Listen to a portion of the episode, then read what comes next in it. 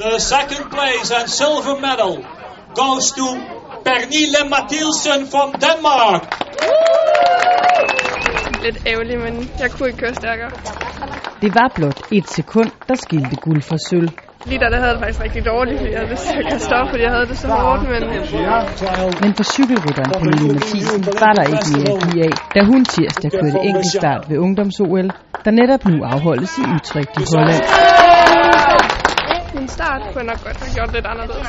Øh, jeg synes, jeg startede en lille smule for hårdt ud, men ellers så holdt jeg farten helt vejen.